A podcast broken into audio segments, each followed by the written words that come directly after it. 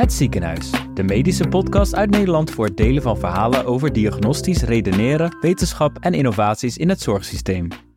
Vandaag luister je naar De Internist, de klinische redeneertak van deze podcast. Goedendag, welkom bij De Internist. Dat is uh, de Nederlandse podcast voor interne geneeskunde voor medische uh, professionals, studenten en eigenlijk iedereen die geïnteresseerd is in klinische geneeskunde.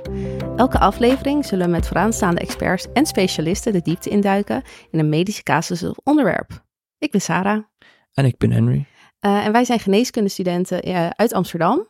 En we nemen graag mee op reis door de complexe en fascinerende wereld van uh, klinische redenering. Nou, vandaag bij ons hebben we dokter Tutu van Firth.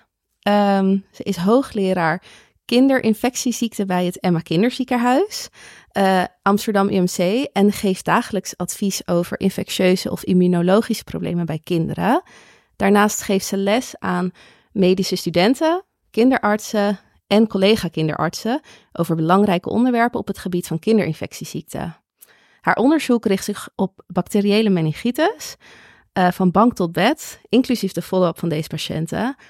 Uh, en als honorary professor van het Tijgerberg Hospital in Kaapstad begeleidt zij Zuid-Afrikaanse promovendi bij een onderzoek naar tuberculose, meningitis en HIV. Ze heeft een MBA en deze gebruikt ze bij het initiëren van innovatieve projecten, zoals Giving Children a Chance for Life, uh, over therapie, trouw en HIV-behandeling. En samen met haar vrouw heeft ze een e-mentor-platform opgebouwd, alleen voor vrouwen, hashtag I2.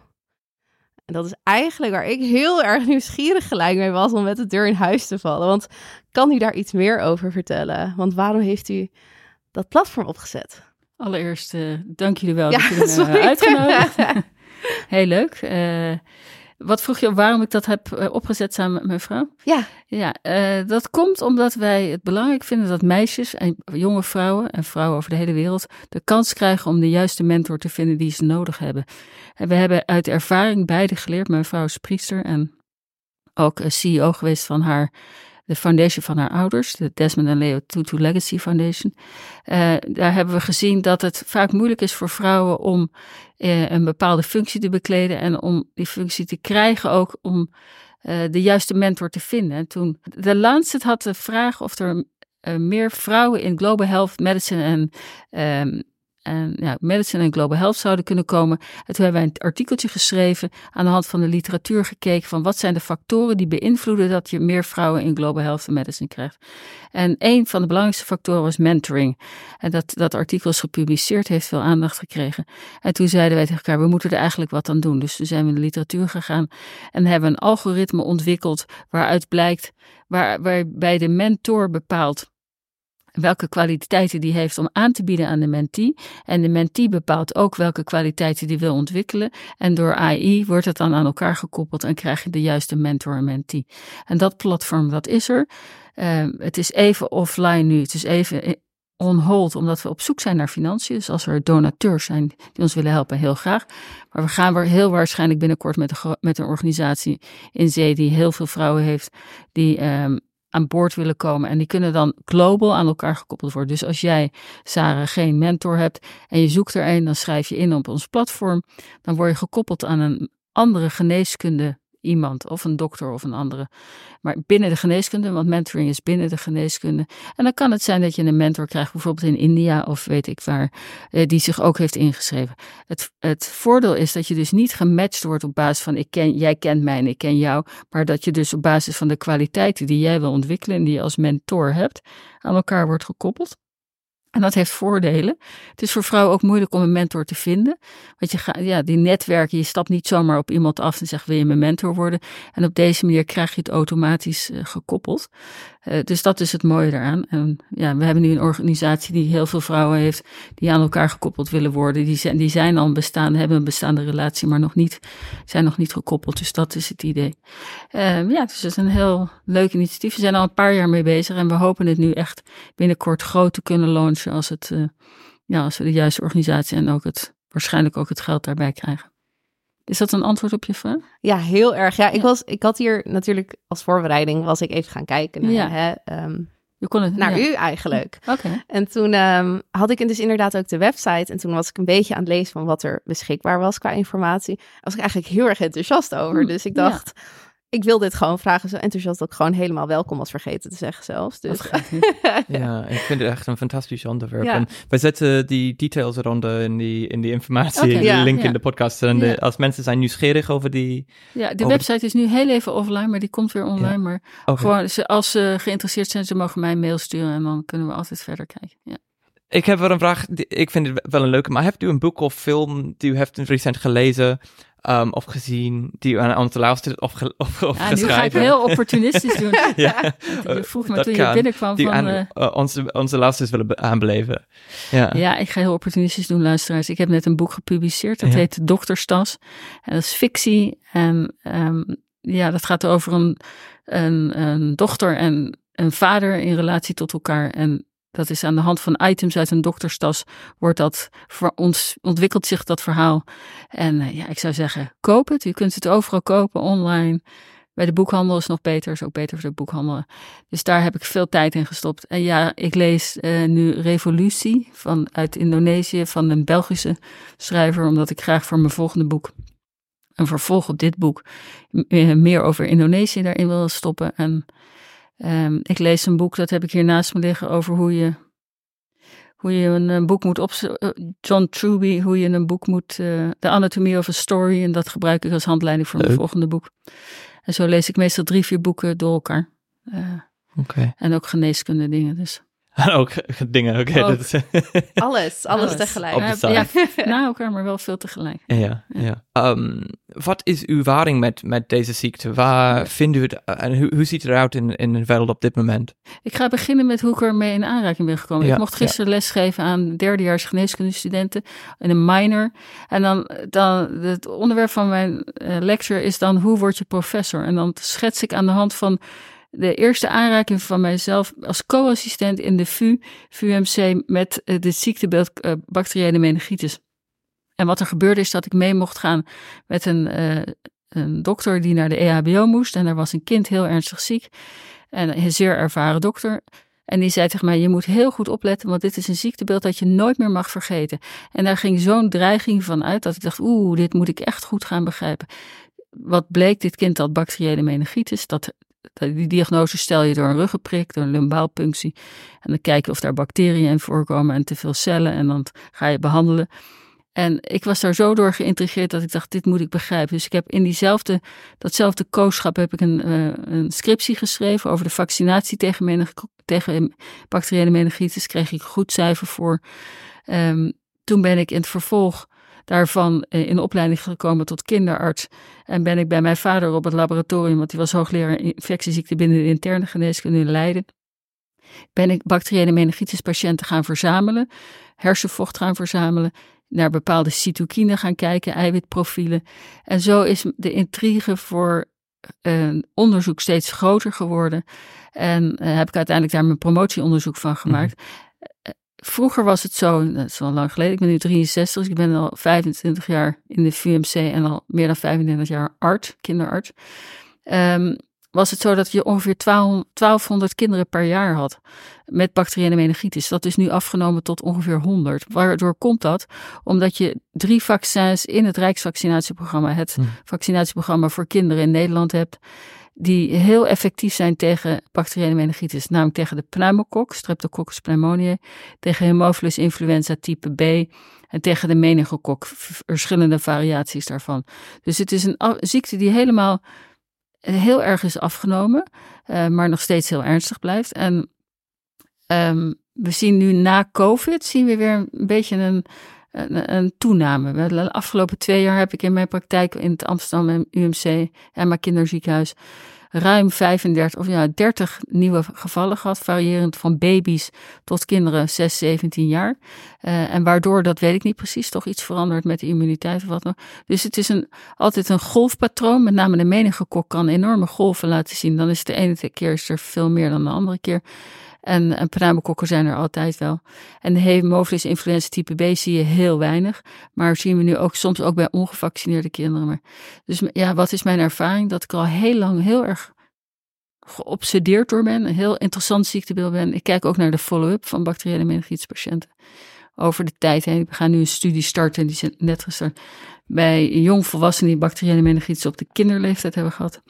En die zijn nu tussen de 25 en 30 jaar oud. Gaan we kijken wat ze daaraan over hebben gehouden. Een van mijn promovendi heeft daarnaar gekeken. Met behulp van vragenlijsten. Omaima Elta hier. En nu gaan we een nieuwe promovendus gaat deze mensen oproepen om ook de echte meten. Gaan we uh, neuropsychologische testen doen en we gaan ook MRI-onderzoek doen. En kijk u naar iets specifiek of ben algemeen? Nou, we weten van nog weer, dit is, dit, zijn, dit is mijn vijfde promovendus op het gebied van follow-up. En we weten van mijn voorgaande promovendi dat er leerproblemen kunnen zijn, gedragsproblemen kunnen zijn. Uh, dus in de wat ja, meer neuropsychologische hoek dat daar problemen zijn. En die willen we uh, in kaart brengen. Maar bij deze jong, of wat oudere volwassenen, nee, oudere jongvolwassenen, kijken we ook naar: hebben ze een baan? Kunnen ze zelfstandig wonen? Zijn ze getrouwd? Hebben ze een partner? Uh, dus kijken we ook meer naar die sociale context. En hebben ze nog langdurige klachten, bijvoorbeeld hoofdpijn of dat soort dingen. Dus het is uh, heel breed kijken we naar van hoe is het met deze mensen nu? Hebben ze, kunnen ze participeren op de arbeidsmarkt? En nou, dat zijn de dingen waar we nu. En het bijzondere van het cohort is dat het een, een, een longitudinale studie is, die over 25 jaar gaat. En dat ja, mag opscheppen. Dat is, wij zijn het enige cohort in Europa die wat dat heeft. En dat is gewoon heel mooi dat je dat steeds kan blijven vervolgen. En zijn ze alle resultaten binnen? Zijn er spoilers die we kunnen nee, geven? Dat, of, nee, want dit, deze studie met het meten gaat nu starten. En de studie met, uh, met de vraaglijsten van deze mensen, nou, die laten zien dat er nog steeds wel uh, volwassenen die problemen hebben en die niet kunnen, genoeg kunnen participeren. Of die moeite hebben om werk te vinden of nog, nog veel hoofdpijn mm. hebben. Ja, zeker. En zien we ook, laat maar zeggen, want het is natuurlijk van 12 naar 1200 of naar ongeveer 100 gegaan. Ja. Zien we dat er nog een verschil in is in eigenlijk beloop? Laat maar zeggen dat bij die 100 dat het wel een ernstiger niveau uh, het hangt er, ja, dat hangt er heel erg vanaf welke vorm je hebt. Je hebt de bacteriële meningitis is leeftijdsafhankelijk. Dus bij jonge kinderen zijn het Escherichia coli, Listeria monocytogenes en de groep B-streptokokken. Die komen het meest voor. En bij het wat oudere kind is de pneumokok en de meningokok. Als je een Escherichia coli meningitis als neonaat, als pasgeboren oploopt, kun je zeer ernstig ziek worden. Je ventrikels, de holte in je hoofd, kunnen ontsteken en daar kan je echt eh, zeer ernstige schade door krijgen. Je kan er ook aan het komen te overlijden en je moet het langdurig behandelen. En het wordt soms niet goed genoeg herkend. En soms is de liquor ook niet snel genoeg steriel. Dus dan geef je antibioticum, maar dan duurt het lang voordat het steriel is. En ja, daar kan je schade krijgen, bloedingen, ischemie, dat soort dingen, in, in infarcten. Um, pneumokok helaas is, kan ook heel ernstig verlopen. Daar heb je het gevaar dat je doof wordt. We hebben, ik heb een aantal kinderen in mijn praktijk die acuut doof zijn geworden binnen een dag, dubbelzijdig doof, door de pneumokokkenmeningitis. Ik zie je verschrikt kijken, dat is ook heel afschuwelijk. En wat het nare daarvan is, die gehoorzenuw gaat kapot. Die kinderen zijn ernstig ziek en die moeten dan vrijwel onmiddellijk in aansluiting van dit ziektebeeld een cochleair implantaat krijgen. Dus een soort spiraal in je binnenoor met een, een soort dopje op je achterhoofd wat dan de, de, de, de zender is, de ontvanger, ik zeg het verkeerd. En dat is dan de enige manier waarop ze nog kunnen gaan horen. Dus, dat, dus het hangt ook weer van de leeftijd af, van het bacterie. Ik heb recent een casus gehad ook van een baby met een salmonella meningitis. Ook dubbelzijdige doofheid. Dus je moet je voorstellen, een baby van drie maanden die kon horen. Salmonella meningitis extreem zeldzaam en is nu compleet doof. Heeft daarna die cochleaire implantaten gekregen. Krijg je ook evenwichtstoornissen bij als je, als je gehoorzenuw kapot is. Gaat vaak ook het evenwichtsorgaan doet daarin mee. Dus je krijgt ook problemen met lopen. Um, en er zijn ook kinderen. Ik heb ook een jongen van 17, die wordt ziek. Zijn moeder ziet dat, is heel attent en adequaat. Stuurt het kind naar de huisarts, wordt direct doorgestuurd. Krijgt antibiotica heeft een meningokokkenmeningitis en drie dagen later gaat hij springlevend naar huis. En heb ik twee weken geleden gezien. Niets meer mee aan de hand. Dus het kan enorm variëren. En er zijn ook jongvolwassenen die lang hoofdpijn houden. Met name hoe, moet je, hoe kan je weer participeren op school. En, dus het wisselt enorm. Zijn er factoren achter waarom er zo'n groot verschil is tussen presentatie van de ziekte? En, en kun voorspellen als een kind zenuwschade zou hebben? Nee, je kan, nou de leeftijd van het kind, dus het jonge kind heeft een, wat veranderde immuniteit dan een ouder kind. Maar we weten alleen bijvoorbeeld van het complementsysteem, dat die belangrijk is voor de meningokok om die op te ruimen. Maar het is niet zo dat alle kinderen die ik nu zo'n beetje schets in de verschillende klinische uh, presentaties, dat die uh, immunologische afwijkingen hebben, immuun gecompromitteerd zijn. Nee, dat hoeft helemaal niet. Kan je het voorspellen? We zijn wel bezig met productiemodellen geweest. Uh, daar hebben we wel werk aan gedaan, maar dat is best lastig om, dat, om een goed productiemodel te krijgen. Dat gaan we nu opnieuw proberen, omdat je dan die uitkomstmaten hebt van de patiënten die meningitis hebben gehad. En dan wil je kijken of je die kan koppelen aan verschillende risicofactoren. Dus er zijn soms wel wat uh, predictiemodellen, maar echt goed voorspellen is het niet. Eh, dat is lastig. Je weet alleen dat je op je hoede moet zijn bij hele jonge kinderen. Van, uh, dat je langdurig moet behandelen. Maar wie er nou op wat voor manier uitkomt, dat is soms toch ja, lastig te zeggen. Je ziet wel snel als kinderen in de kliniek zijn en ze langdurig koorts houden, dat er soms toch iets speelt dat je denkt, dan krijg je bijvoorbeeld subdurale effusie. Dus buiten je mening, onder het schedeldak, kan er dan wat vocht komen, kunnen ook bacteriën komen. En dan duurt het hele beloop langer. Waarom? Omdat er domweg minder makkelijk antibiotica naartoe kan en dat langzamer wordt opgeruimd. Die kinderen hebben soms ook wat langer complicaties daarvan. Maar het is niet, nee, dat is helaas nog niet goed te zeggen. En dan heb ik eigenlijk nog een vraagje heel flauw voor de, van de stap ervoor. Want u gaf aan, naar maar zeggen, eh, het ziektebeeld tijdens het eh, meelopen met die arts, dat uh, hij zei, mag je niet vergeten. Nee. Maar het is eigenlijk een hele aspecifieke presentatie van hoe ik begrepen heb ja. dat de ziekte presenteert. Dus wat maakte, laat maar zeggen, het zo duidelijk bij die patiënt dat dat en dan patiënt ook in het algemeen eigenlijk, dat je dat kan herkennen. Dat is een helemaal niet flauw vrouw. Dus de spijker op zijn kop. Dit ziektebeeld is heel slecht te herkennen. En dat is ook de angst van huisartsen vaak, dat ze het over, hun hoofd, over het hoofd zien. Bij elk kind met koorts, die ernstig ziek is en niet gereageerd op antibiotica, of, of uh, verschijnselen vertoont van verwardheid of uh, sufheid of dat soort dingen, dan moet je daaraan denken. Maar je moet ook uh, ja, want meningiale prikkeling bij een baby telt eigenlijk niet. Je kan luierpijn, als je de beentjes optilt, uh, bij het verschonen van een luier, dan zou er meer rek aan de meninge kunnen zijn. En daar kan je last van. Maar dat is heel uitspecifiek. Bomberende fontanel zou kunnen, maar hoeft niet. Dan heb je Kernig en Brudzinski. Dat zijn twee verschijnselen wat je optillen van de beentjes of van het hoofd. Dat zou een meningiale prikkeling kunnen um, laten zien, maar, of kunnen voorspellen, maar dat is heel aspecifiek. Dus je hebt helemaal gelijk. Hoe kan je nou weten dat dat bij zo'n jong kind meningitis? Dat kan je niet. Maar wat, dus omgekeerd, als je twijfelt, moet je een lumbaalpunctie doen. Dus wij zijn, wij, mijn collega kinderarts-infectiologen, zeggen van je moet laagdrempelig een lumbaalpunctie doen bij een kind wat je langdurig koorts heeft of koorts heeft op een manier die je niet begrijpt. Als het geen longontsteking is of als het geen urineweginfectie is. Dat zijn de meest voorkomende infecties naast bijvoorbeeld mhm. meningitis. Dat je dan wil uitsluiten. En het komt helaas voor dat sommige kinderen worden opgenomen in een ziekenhuis. Uh, men weet niet precies wat het is. Die blijven dan wat langer liggen. Krijgen wel uh, antibiotica, knappen niet op. En dan wordt er in tweede instantie een baalpunctie gedaan. En dan blijkt dat er een, uh, daar de infectie zit. Dus het is, ja, dat was het meer van hem. Je moet het altijd echt wel voor in je hoofd hebben. Je moet ook niet lukraak bij elke kind een, een lumbaalpunctie doen. Maar het moet wel iets zijn wat, ja, waar je gauw aan denkt en nauwkeurig aan denkt. En je vergeet niet, ik werk in een tertiair ziekenhuis. Hè?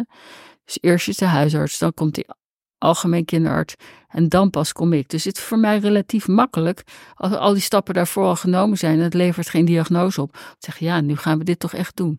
Dus dat is toch voor een huisarts, die kan niet bij elk kind uh, orderen dat er een lumbaalpunctie gedaan wordt. Dus ik heb altijd groot respect voor huisartsen, hoe ze kinderen moeten benaderen en wanneer ze op de juiste moment kunnen insturen. En soms gaat het niet goed, dan heeft het wat te lang geduurd. Dat, dat is niet altijd te verwijten aan de huisarts, helemaal niet zelfs. U heeft de lumbaalpunctie dan gedaan. En wat bent u dan precies naar op zoek en hoe ga je differentiëren tussen de verschillende oorzaken van die infectie? Dus in, uh, als je een ruggenprik doet of een lumbaalpunctie, dan prik je tussen twee wervels door. Je laat de patiënt helemaal krom liggen. Dat is heel vervelend voor de patiënt, want als je op het moment dat je hem op de tafel legt, moet hij helemaal, ja, dat kunnen luisteraars zien, maar wat ik voordoe is dat je dan de rug helemaal krom maakt.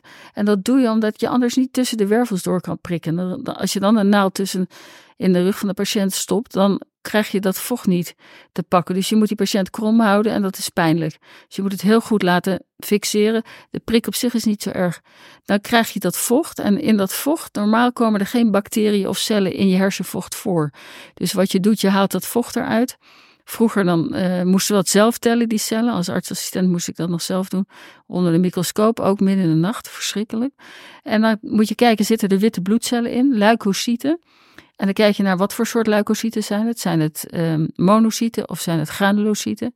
Ene is meer bij een virale infectie en de granulocyten zijn meer bij een bacteriële infectie. Je kijkt naar het eiwitgehalte. Dat is verhoogd bij een bepaalde vorm van bacteriële meningitis. Zeker bij tuberculeuze meningitis is het torenhoog.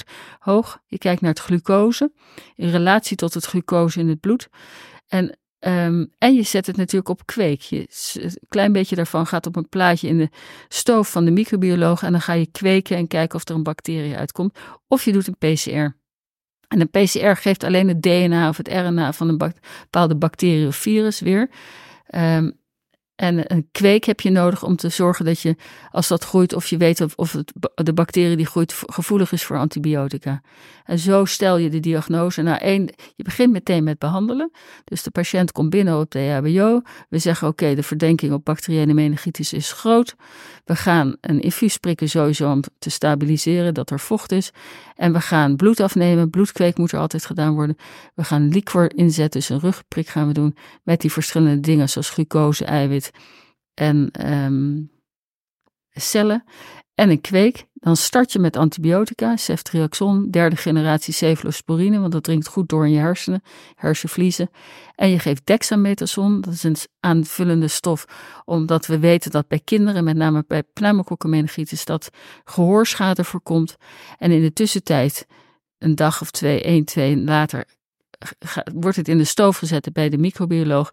En dan hoop je dat daar de, de verwekker uitkomt. Dat is, dat is hoe je de diagnose stelt en hoe je het. De eerste behandeling is van bacteriële meningitis. En qua de antibiotica, u heeft al gezegd ceftriaxone. Maar um, overweeg je ook vancomycin of andere Vancomycin? Ja, bijvoorbeeld. Die heb ik best vaak gelezen dat het nee, eerste... Nee, vancomycine heb je helemaal niet nodig voor de eerste behandeling van een bacteriële meningitis bij kinderen. Uh, dat is alleen als je bijvoorbeeld een pneumokok hebt die ongevoelig is voor uh, cefalosporines. Komt er relatief weinig voor. Um, we doen het heel soms als er kinderen zijn die uit het buitenland komen. Bijvoorbeeld Spanje hadden we een kaas een keer lang geleden. Een meisje was in Spanje ziek geworden. Verdenking pneumokokkenmeningitis. Dan geef je vancomycine erbij, maar anders niet. Dus in principe, je moet het middel voor een bacteriële meningitis moet goed doordringen in je hersenen, hersenvliezen. Moet goed te, uh, te doseren zijn. De goede, moet niet toxisch zijn natuurlijk voor de patiënt. En dan zijn de derde generatie cefalosporine zijn prima. Je, en bij jonge kinderen geven we niet ceftriaxon, maar cefotaxim, omdat dat sludging in de lever geeft ceftriaxon. Dus geven we cefotaxim en voegen we amoxicilline toe, omdat we denken dat, en waarschijnlijk ook dat het zo is, Listeria monocytogenes niet gevoelig is voor ceftriaxon. Dus dan voegen we een beta-lactam antibioticum aan toe. En dat is amoxicilline. En als er dan geen listeria uitkomt, dan stoppen we het weer. Listeria is heel zeldzaam. Dat is een ziektebeeld wat voorkomt als je rauwe melkse kaas eet als uh, zwangere. Dan kan je die vorm van meningitis krijgen. Nou, ik heb er in mijn leven twee van gezien. Eén vrouw in Zuid die uit Zuid-Afrika kwam en heel veel pasta had gegeten met rauwe melkse kaas. En die baarde een baby met listeria meningitis. Maar verder zie je dat weinig, omdat het ook geadviseerd wordt dat je niet ja. ongepasteuriseerde uh, melk drinkt en in kaas eet als je zwanger bent. Ja. En u zei dat de lumbalpunctie is een goldstandard van diagnose, maar wat als een patiënt niet geïnteresseerd is voor een lumbalpunctie? Contra-indicatie. Je hebt een ja, aantal contra-indicaties. Bijvoorbeeld als je een defect hebt ter hoogte waar je wil prikken, ga je natuurlijk niet prikken verhoogde druk, uh, dat weet je niet van tevoren. Dus als we dat verdenken, en dat is dan bij een patiënt die een verlaagde Glasgow Coma Score heeft, dus een verlaagd bewustzijn met een verhoogde Glasgow Coma Score, dan doe je eerst een CT-scan. Want dan wil je zeker weten dat als je niet uh, liquor afneemt, dat het patiënt niet inklemt. Dat is, uh, dus dan doe je een CT-scan. Als je ziet dat er uh, niet een ehm, uh, vernauwde ventrikels zijn, dan kan je dat wel doen. Komt bijna niet voor. Ook daar heb ik één keer een patiënt gehad die een lumbaalpunctie aandeed. Dat liquor je te, uh, tegemoet spoot. Maar verder gebeurt dat eigenlijk nooit. Bloedingsneigingen. Als een kind onder de petechie zit en je denkt, dan ga je eerst de trombocyten bepalen en eventueel de, de stommingstijd. Dat zijn contra-indicaties, maar zijn maar heel weinig. Gebeurt heel weinig. 90% van de kinderen kan eigenlijk direct, soms na een scan, maar kan meteen een lumbaalpunctie krijgen. Dus dat is, dat is nooit zo'n probleem. Ik had nog wel een vraag, want we hadden het natuurlijk gehad over uh, het vaststellen van de diagnose. Um, nou, nu neem ik aan dat dat in Nederland allemaal toegankelijker is. Maar um, u bent ook veel ja, werkzaam geweest en onderzoek gedaan in uh, Afrika. En hoe gaat dat? Is dat daar anders? Is daar dezelfde toegang? Hoe ik ga je even uitleggen wat de relatie uh, tussen mij en Zuid-Afrika is, los van, ja. uh, van mijn persoonlijke banden. Um, ik uh, doe onderzoek in Zuid-Afrika naar tuberculeuze hersenvliesontstekingen. En waarom? Omdat ik een muizenmodel had opgezet voor tuberculeuze hersenvliesontsteking. En waarom een muizenmodel? In muizen kan je bepaalde cytokine receptoren uitnokken. Die kunnen ze dan niet maken. En uh, dan kan je onderzoeken wat die bepaalde, als je bijvoorbeeld IL-1 niet kan maken in een muis laat, dan kan je onderzoeken wat dat doet in het, de pathofysiologie van de ziekte. Nou, zo heeft een promovendus van mij Petra Zwijnenburg daar uitgebreid uh, naar gekeken. En um, niet naar tuberculeuze meningitis, maar wel naar pluimenkokkenmeningitis. En Gijs van Wel heeft gekeken naar uh, meningitis. En toen zeiden mijn broers op een gegeven moment, allebei één is arts, één is psycholoog, waarom blijf je zo met muizen werken met tuberculeuze meningitis? Waarom ga je niet naar mensen kijken? Want je bent toch kinderarts? En toen dacht ik, ja, je hebt wel gelijk. Dus toen heb ik een mail gestuurd naar professor Schoeman, het Tijgerberg ziekenhuis in Kaapstad. En ben ik daar in 2007 naartoe gegaan in de uh, december, volkomen verkeerde tijd, want dat is hun uh, vakantieperiode. Ze kwamen aan op een lege campus. Er zaten twee studenten van mij, die hadden allemaal uh, literatuuronderzoek gedaan en nou, allerlei casussen uitgezocht. En, en toen kwam ik daar en uiteindelijk heb ik daar met hun een, bloeiende onderzoeklijn opgezet, omdat ik een Desmond Tutu leerstoel kreeg en Zuid-Afrikaanse promovendi, wat je in het begin van de inleiding zei, kan uh, begeleiden in het doen van onderzoek. Dus ik heb Zuid-Afrikaanse promovendi, een paar in Tijgerberg ziekenhuis in Kaapstad en een paar in uh, Northwest University in Potchefstroom. En die leren onder mijn leiding en onder de leiding van Martijn van der Kuip als co-promotor en nog twee uh, doktoren in deze beide ziekenhuizen leren ze hoe je onderzoek moet doen naar tuberculeuze meningitis. En je vraag is een beetje een wollig antwoord, maar kom erop terug. Is het daar anders? Ik heb er dus nooit, ik werk daar niet klinisch. Ik werk daar als researcher, als professor. Ik begeleid met het onderzoek. Ik begeleid de mensen die de materialen verzamelen van de klinici. En ja, het is daar anders. Tuberculeuze meningitis is een heel ander verhaal dan bacteriële meningitis. Het is wel een bacterie ook, Mycobacterium tuberculosis. Maar uh, dit heeft verschillende stadia. Stadium 1, als een kind dat heeft, kan het een beetje ziek zijn, een beetje afvallen, verder niet zoveel. Stadium 2 wordt het ernstiger ziek, kan het soms epilepsie krijgen, of uh, ja, met name epilepsie en overgeven verhoogde druk. En stadium 3 zijn ze vaak al comateus. En wat we zien is, het uh, Tijgerbergziekenhuis is een tertiair centrum, dat die kinderen vrij laat worden ingestuurd. Dus je zou het liefst die kinderen in stadium 1 vangen, dat lukt nog altijd niet. Uh, omdat het zo moeilijk te herkennen is. En stadium 2 soms wel. Uh, dus het hangt er vanaf waar het, kind terecht komt voordat het wordt doorgestuurd. Je moet je maar voorstellen, je hebt hier Amstelveen, de VU en het AMC. En dan heb je het Amsterdam ziekenhuis. En dan heb je misschien nog een kleiner ziekenhuis. En die kinderen hebben dan al dat kleinere ziekenhuis, Amsterdam ziekenhuis. Misschien nog een ander ziekenhuis voordat ze in de VU of in het AMC terechtkomen voor een lumbaalpunctie. En dat is dan vrij laat. En dat maakt dan dat het ziekteproces al zo ver op gang is dat ze heel ernstig ziek zijn. Dus de technieken zijn zeker uh, beschikbaar. Maar het stellen van de diagnose in een groot land waarbij niet altijd voldoende zorg is, niet voldoende dokters die het direct herkennen, maken dat er een delay is, een, een, een vertraging in het stellen van de diagnose. En dat is in Nederland anders. Dat is A, omdat het ziektebeeld bacteriële meningitis anders is dan tuberculeuze meningitis. En tuberculeuze meningitis hier nagenoeg niet voorkomt. Een paar casus hebben we toen ook niet altijd heel snel herkend. En in Zuid-Afrika is dat gewoon anders. De gezondheidszorg is anders georganiseerd.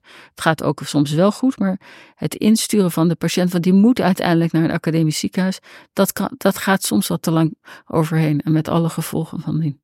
Ja, ik, ik heb een vraag. Als u bent aan um, bacterial meningitis aan het bedenken uh, in Nederland of Afrika, ga u alvast dan beginnen met een empirisch antibiotica aan het toedienen voor deze patiënt? Kijk, hier, hier uh, spreekt jullie onervarenheid nog als dokters of als studenten. Dat of hoe, ja, dat hoor je. Want uh, als je dit aan een infectioloog vraagt, zal die altijd onmiddellijk nee zeggen. Want je wil altijd eerst de materialen hebben en dan pas starten. En waarom? Omdat anders ga je veel te veel antibiotica geven. En als mijn, een van mijn taken als kinderarts-infectioloog in een ziekenhuis is om gericht antibiotica te, uh, voor te schrijven en ook weer op tijd te laten stoppen. Dus nee, uh, tenzij je in situaties zit waarin het echt niet kan en de patiënt anders overlijdt of er hele ernstige dingen gebeuren. Maar in principe wil je altijd eerst de materialen krijgen en dan ga je starten met de antibiotica. En als dat niet kan, ja, dan ga je het anders doen. De huisarts doet daarom ook geen lumbaalpunctie, dat kan niet.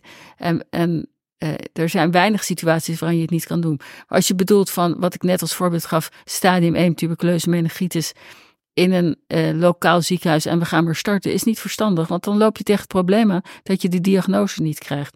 Geef je antibiotica, gaat het kind naar een tertiair ziekenhuis om de lumbaalpunctie te doen. Er zit er al antibiotica in, in de patiënt.